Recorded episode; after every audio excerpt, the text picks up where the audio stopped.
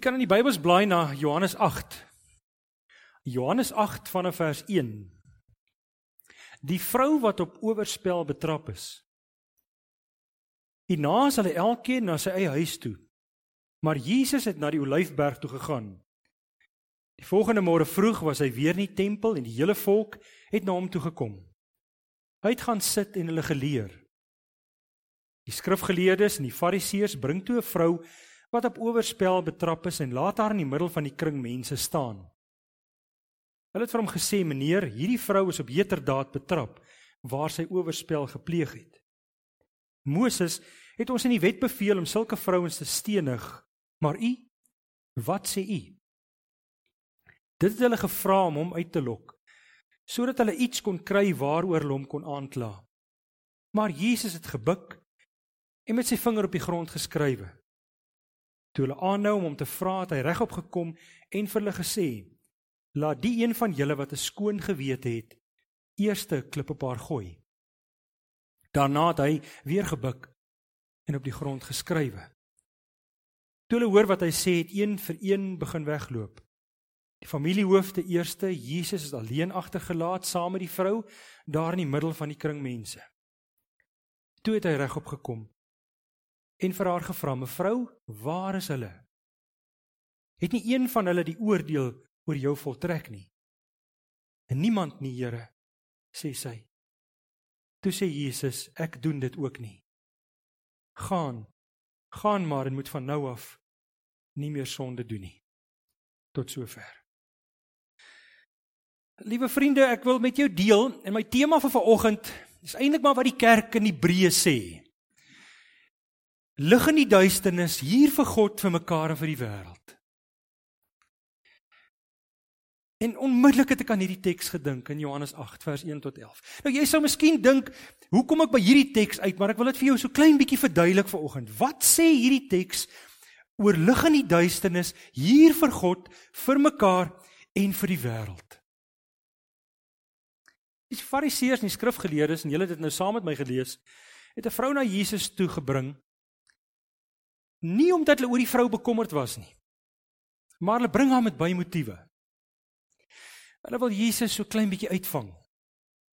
Hulle wou sien hoe streng Jesus is en hoe streng hy by die wette van die Ou Testament gaan hou. En op 'n manier leef dit in hulle gedagtes as hy dan streng by hierdie wette hou, dan sê hulle dan is dit aanvaarbaar. As hy nie streng by die wette hou nie, dan gaan ons hom brandmerk as die een wat die wette oortree het.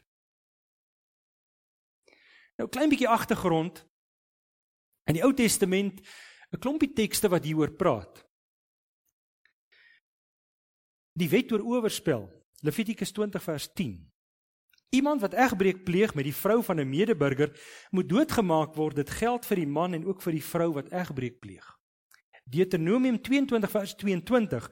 Wanneer 'n man betrap word terwyl hy gemeenskap het met 'n ander man se vrou, moet die man en die vrou wat gemeenskap gehad het albei doodgemaak word streng. Ou Testament. Die man en die vrou moet albei gestenig word en die skrifgeleerdes vra die vraag en sê: "Here, wat gaan u hiermee maak? Wat gaan u hiermee doen?" So wou hom uitvang. As Jesus sê nee, net een moet gestenig word, dan sê hulle jy ken nie die wet nie. As hy sê die man moet alleen gestenig word en die vrou moet leef, dan is hy weer nie by die wet nie as hy albei spaar en hulle moenie doodgemaak word en dan sê hy dan is julle teen die wet of dan's ek teen die wet van Moses sê hulle vir hom. En dan keer jy mos sonde goed, Here. Hoor jy die moeilike situasie waarin hy sit? Skielik lees ek Jesus se antwoord. En hy gebruik 'n Joodse beginsel teen hulle. 'n Beginsel wat sê jy moenie aan ander doen wat jy aan jy nie aan jouself gedoen wil hê nie. Hierdie maatstaf wat geld geld dus vir jou en vir ander. Almal is sondig. Almal verdien die straf. As ek 'n vinger wys na iemand of 'n klip gooi na iemand sê Jesus, dan wys die vinger na my toe, dan kom die klip na my toe terug.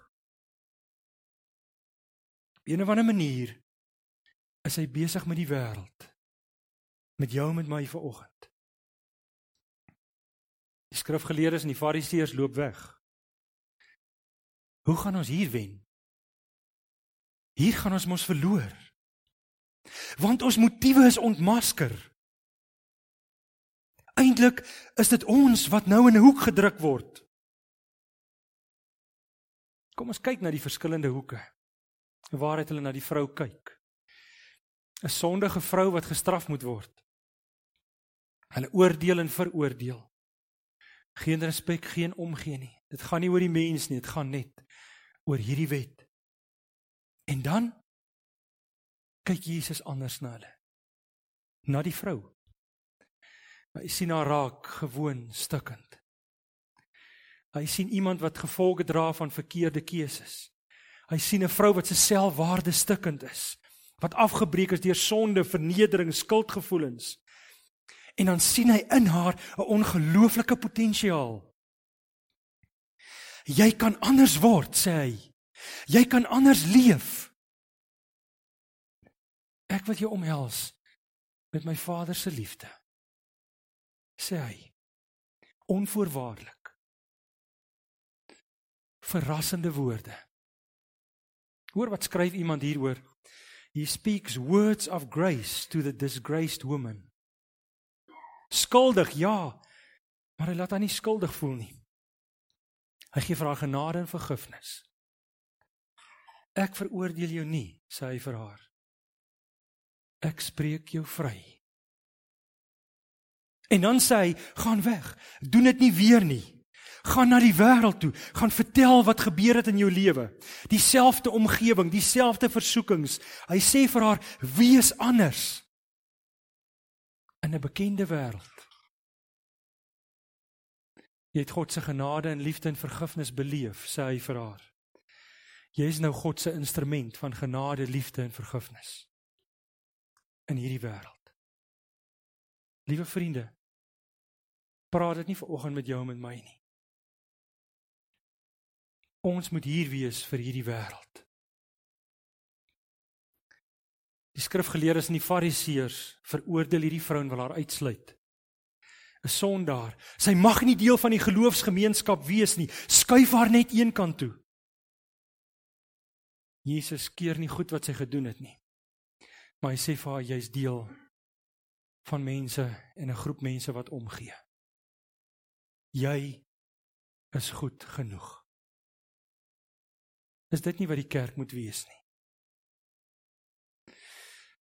Niemand mag voel dat hulle nie welkom is nie. Niemand mag oordeel en veroordeel nie. En daarmee saam keer ons nie sonde goed nie. Ons kan net nie klippe gooi nie. Ons is almal sondaars, liewe vriende. Almal is welkom. Want hier tussen God se mense, vanoggend in hierdie gemeente, kan ons heel word. En kan God jou verander. En as hy besig met jou, hier is die plek waar jy kan tuiskom. Waar jy jouself kan wees met jou foute, met jou stikkindheid, met jou vrae, met die dinge waarmee jy stoei in die lewe, met die hoekoms en die waaroms. As jou trane drup, kan jy hier wees.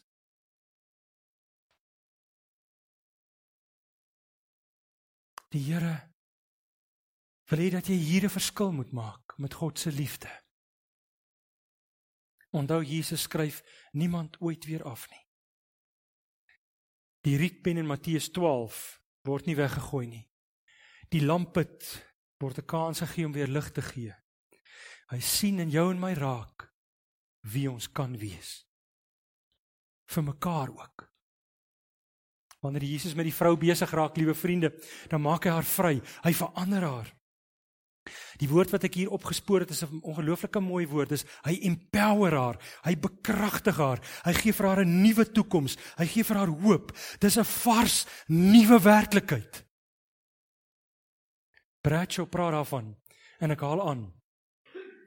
When we truly love, we are willing to change and we often do change. Eric Burns stel dit so: I believe that love can dramatically heal our wounds and radically change our lives. radikaal kan liefde ons lewe omkeer. Dis die kerk. Dis wat ons moet wees. Ons moet hier, ons moet mense bekendstel aan God se hoop. Wat aan die kruis het hy dit vir ons gegee. Daar's soveel dinge wat ons hoop steel. Kyk maar die nuus. Ek het nou gister weer so 'n stukkie gesien van my vriend Julius Malema. Ai, tog. Kyk, ek verstaan hy ou nie lekker nie. Maar ek wonder of hy homself verstaan. Laat ek dit nou maar sê. Maar dat ons hoop moet gee vir 'n wêreld ten spyte van hierdie goed wat gebeur en gesê word, liewe vriende.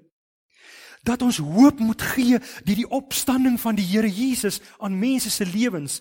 Dat ons hoop moet gee te midde van geweld, korrupsie, ekonomiese druk, huwelike, gesinne, mense wat stikkend is, moet hoop kry.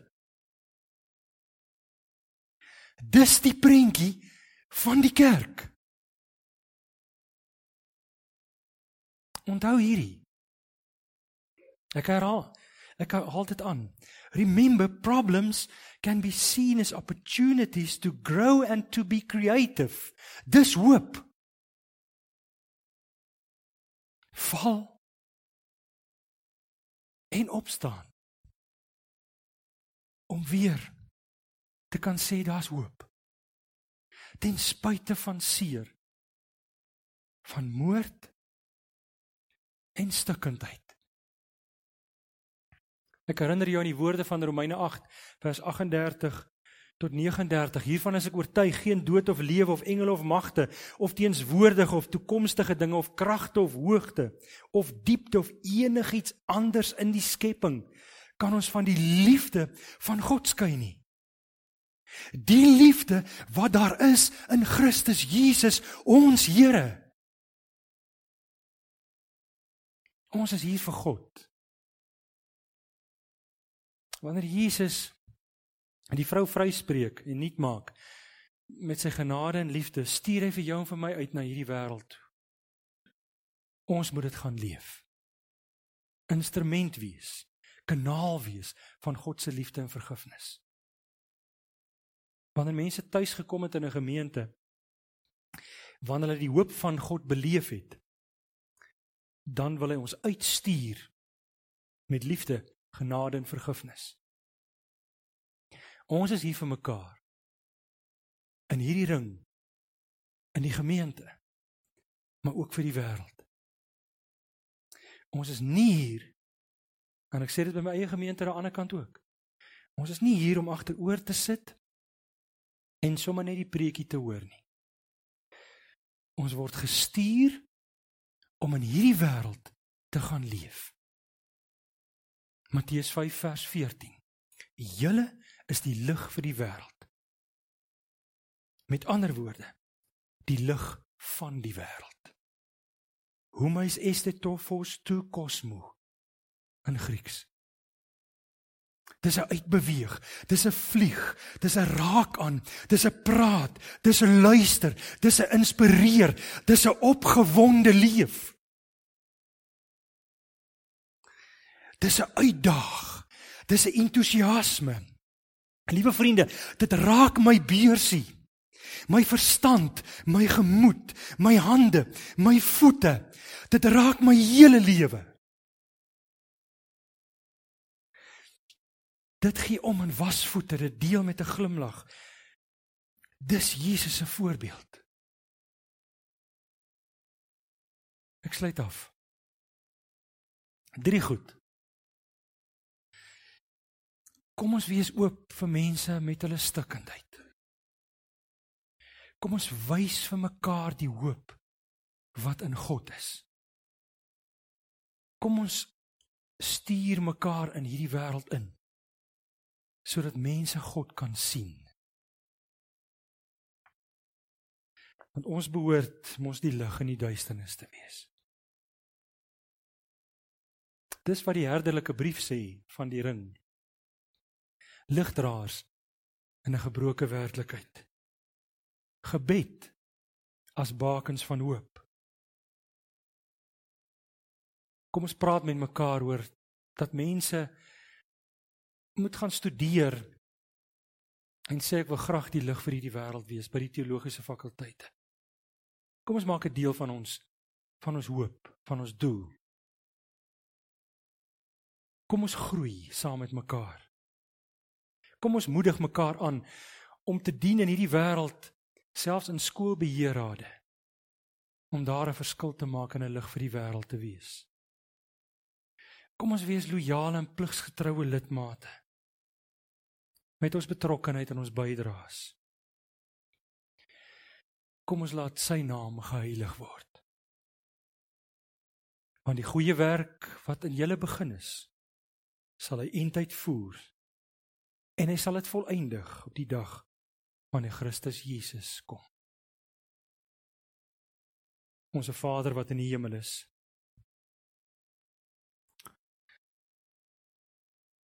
'n gewone verhaal van 'n vrou in Johannes 8.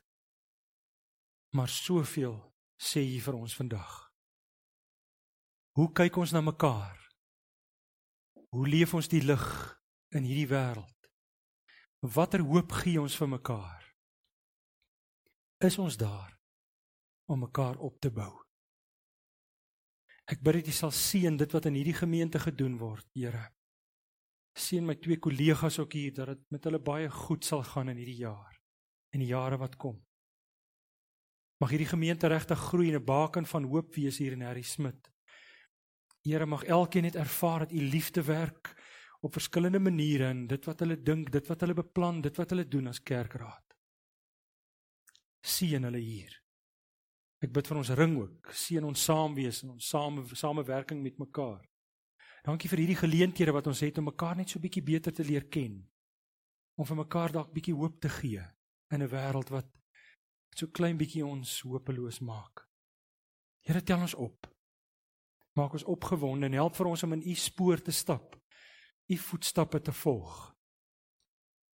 Help vir ons om net elke dag te sê Here, die gedagtes ons gedagtes maak dit nuut. En verander ons sodat ons in u nabyheid kan wees. Ek bid vir ons land, ek bid vir 'n rustigheid, ek bid vir vrede, ek bid vir om 'n draai in mense se denke, ek bid vir wysheid en insig op alle vlakke in ons land, Here, dat daar tog net iets sal gebeur van u krag en u gees wat werk in mense se lewens. Seën vir ons verder in hierdie dag. Ons bid vir hulle wat siek is en swaar kry.